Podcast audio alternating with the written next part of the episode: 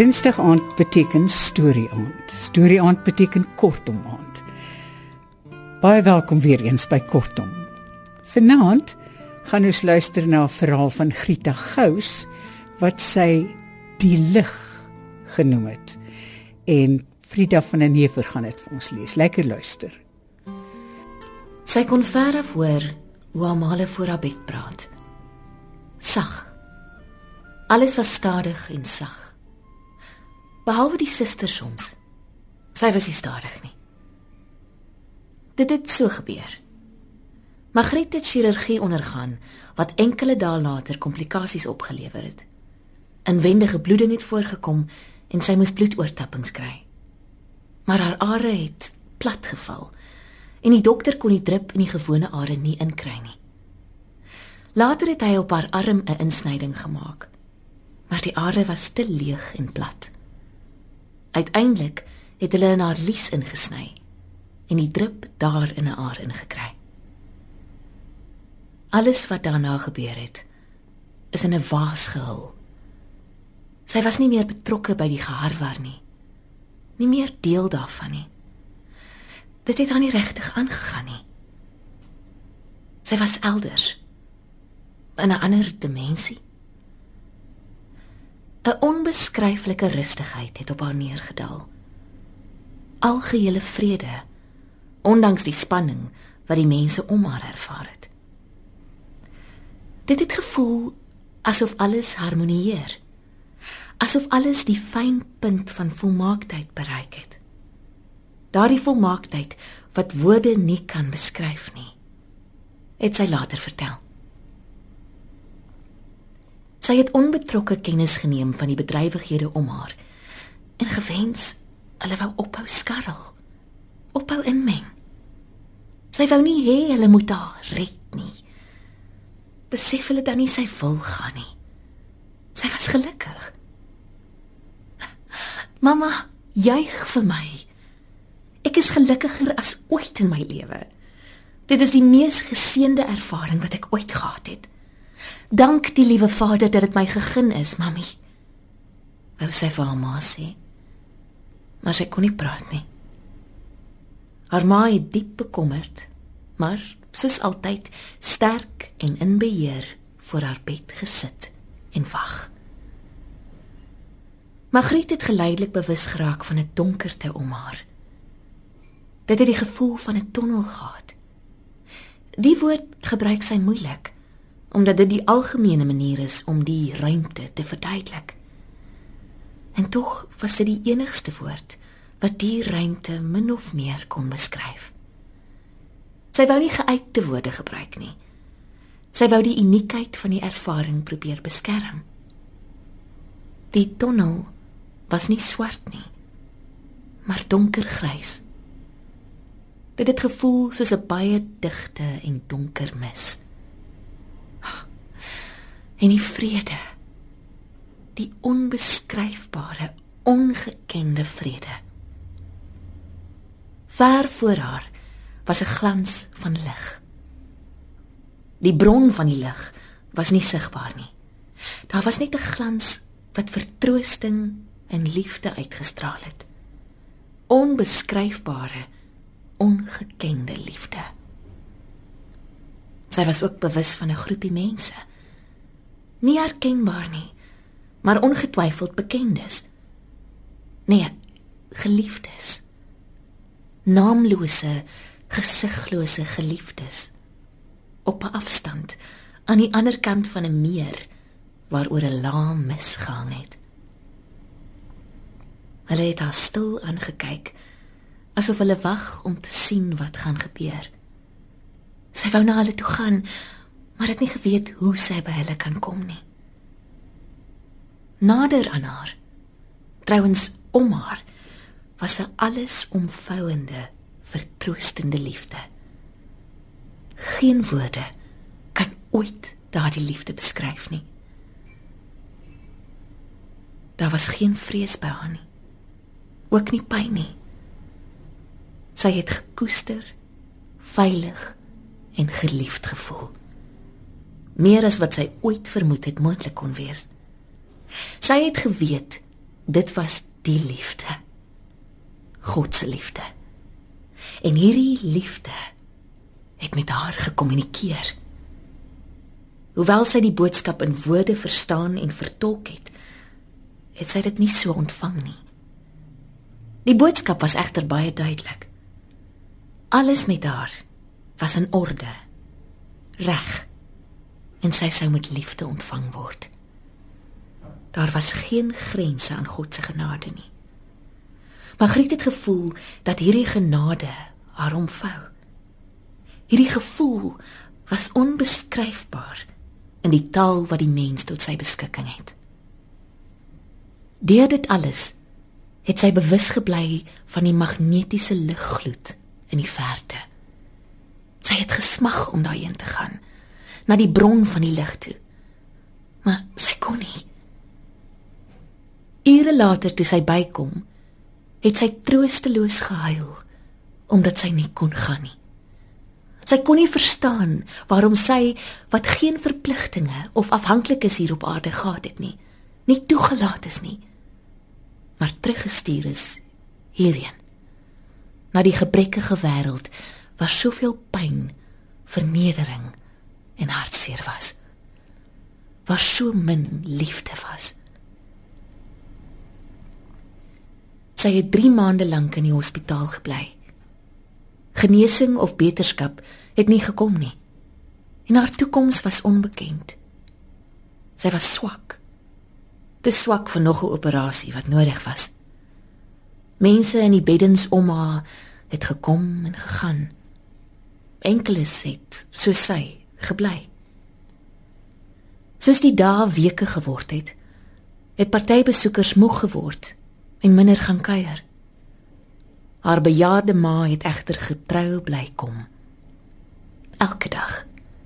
Maar elke dag het sy moer gelyk. Mense het vir haar kom bid. Ook vreemde mense. Selfs vir haar nagmaal kom gee. Een paartjie het 'n klein stukkie droë soutbeskuitjie en 'n minuskule botteltjie met Tassenberg gebring om vir haar nagmaal te bedien. Hy het in tale gebid. Margriet het besef dit is nie nodig om die tale te verstaan nie. Die passie agter sy woorde was alles verklarend. Hy was so hartstogtelik dat sy God later gesmeek het om haar gesond te maak sodat die man nie so 'n mislukking moes voel nie. Die weke het maande geword. En nog het sy in hierdie onverklaarbare onsekerheid gelê. Sou sy weer huis toe gaan? Maar die grootste vraag was steeds: Waarom moes sy terugdraai? Waarom is sy weggewys? Teruggestuur. Sy het sterker geword en die dokters het besluit sy is gereed vir nog 'n operasie. In hierdie stadium het sy soos die spreekwoordelike lam ter slagting gevoel. Sy is op haar bed rondgestoot van een toets na die ander. Sy het geen inset gelewer nie. Net gelê en wag om te sien wat volgende aan haar gedoen sou word. Die dokters en verpleegpersoneel was nou bekendes, selfs vriende.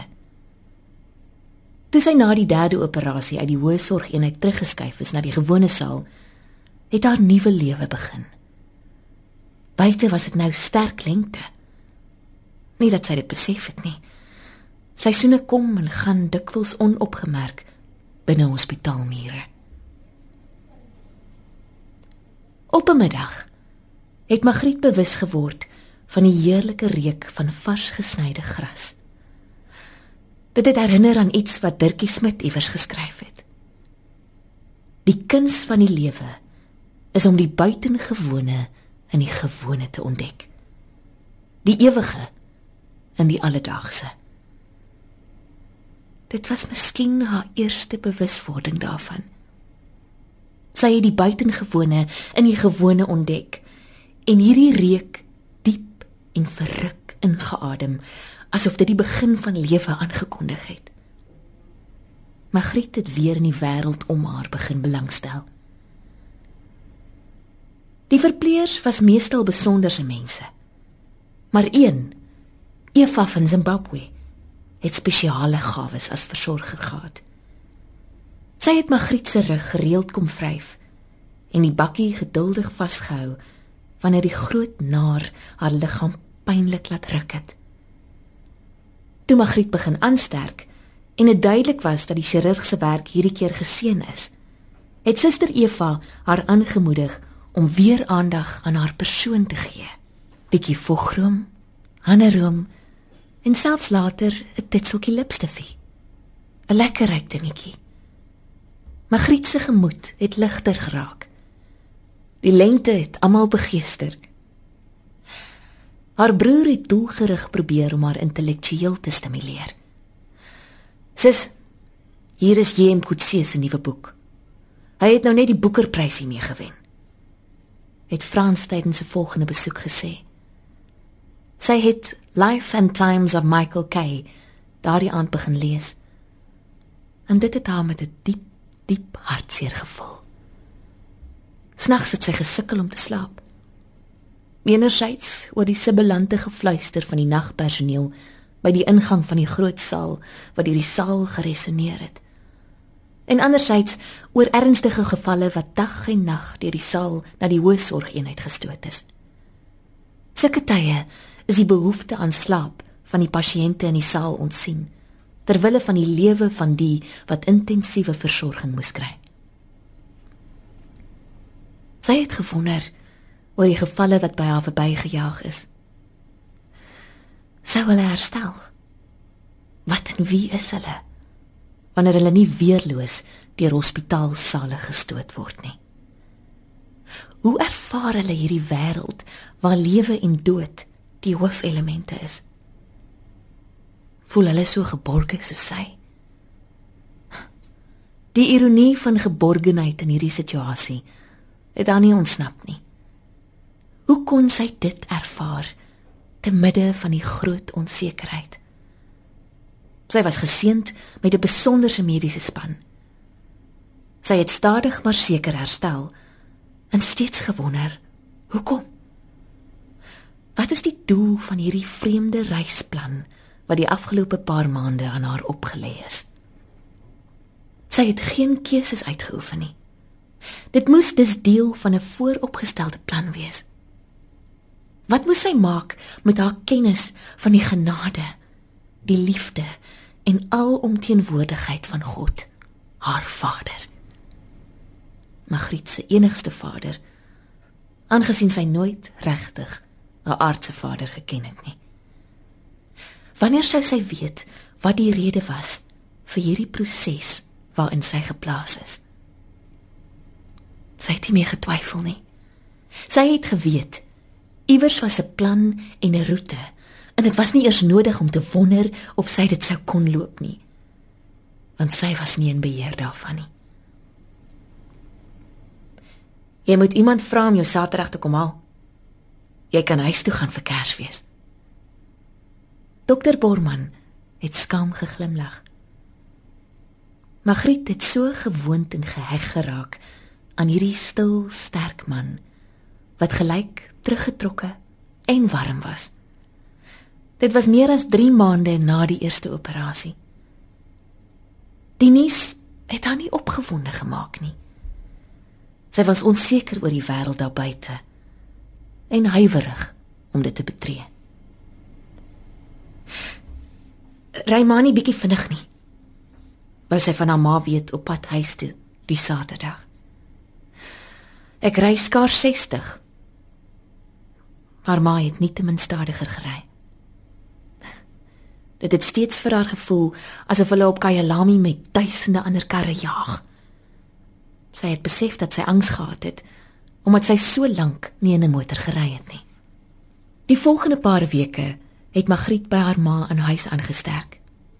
Hier het ouma Martha, haar ma se inwonende huishoudster van amper 30 jaar, gehelp om haar te versorg. Magriet was swak, maar het die vryheid van beweging geniet en die rus. Sy het lank in die tuin gesit en na die voëls geluister. Of klein Linkie dopgehou en na haar gelag luister. Linkie was ouma Martha se kleinkind. Sy was nog nie 2 jaar oud nie en die mooiste kleuter met blink ronde vet beentjies. Ouma Martha se dogter het haarself aan die drank oorgegee. Die kind by die ouma kom aflaai en verdwyn. Die twee ouer dames het nou pop gespeel met die kaneelkleurige klein prinsesie met die reguit ruggie. Linkie het die mooiste houding gehad en 'n charme wat enige hart kon vermurwe.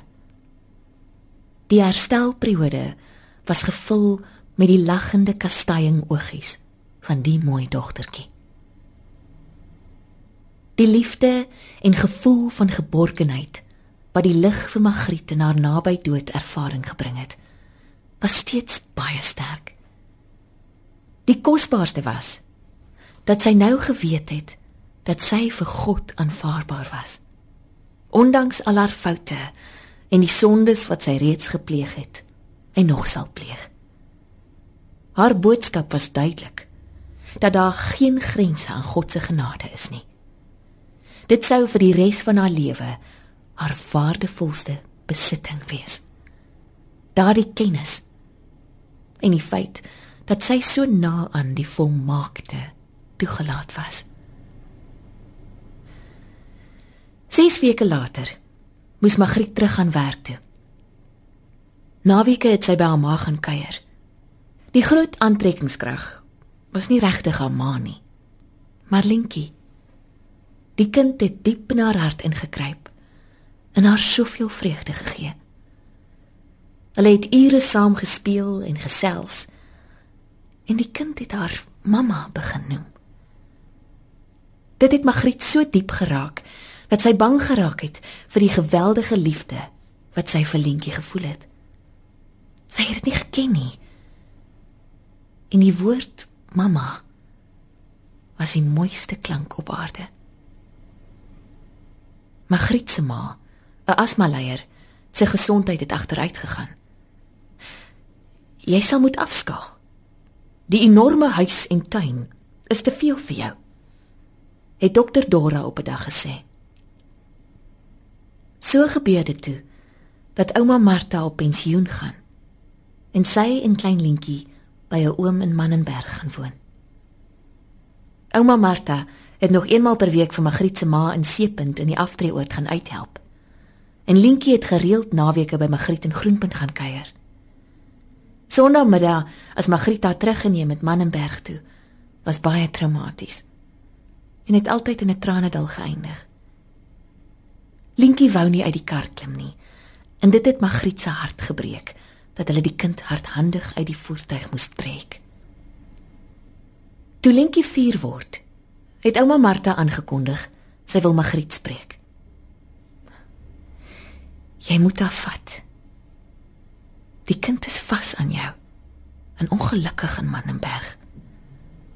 Vat haar en maak haar groot. Dit sal die beste vir haar wees. Ek word oud en kan nie meer bybly nie. Die kind is te voelig vir my. Jy moet haar op jou naam sit sodat niemand haar kan wegvat nie. So het dit dus gebeur dat Lentjie 2 weke voor Kersfees na Magriet toe getrek het. Dit het 'n totale omwenteling in haar lewe gebring. Magriet was toe met vakansie.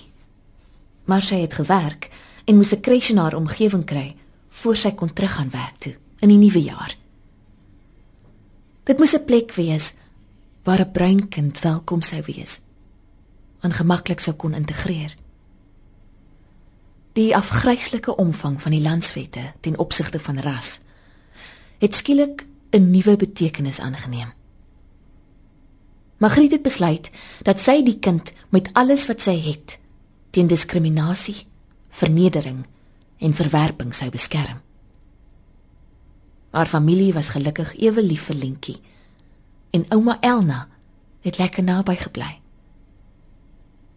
Magriet moes 'n voltydse huishoudster aanstel vir daardie dat Lentjie siek was en nie kres toe kon gaan nie. Ouma Elna was die perfekte ouma en het haar swemlesse toegeneem en balletklas of tandarts toe.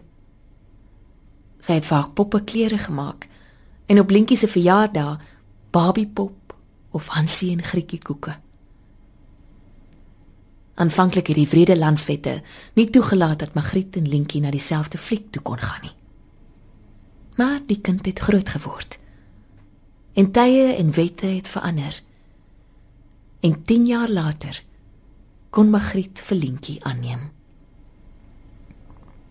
Haar dogter was alles in haar lewe. Ek het nooit besef dat 'n mens se fokus so kon verskuif van jou eie behoeftes na iemand anders se nie. Het sy vir haar suster gesê. En dit is nie opofferend nie. Jy het gewoon jou kinders meer lief as jouself. 22 jaar later kyk Magriet na haar pragtige dogter wat nou 'n volwasse vrou is. En Magriet weet waarom sy teruggestuur is. Sy moes beskikbaar wees vir Lentjie. Haar versorg en lei en lief hê. En sy verstom haar aan die mens wat haar kind geword het, ondanks die foute wat sy as ma gemaak het. Sy glo die antwoord lê in liefde. Groot, onselfsugtige, onvoorwaardelike liefde en goddelike genade. Voeg sy altyd by terwyl sy na haar dogter se swanger liggaam kyk.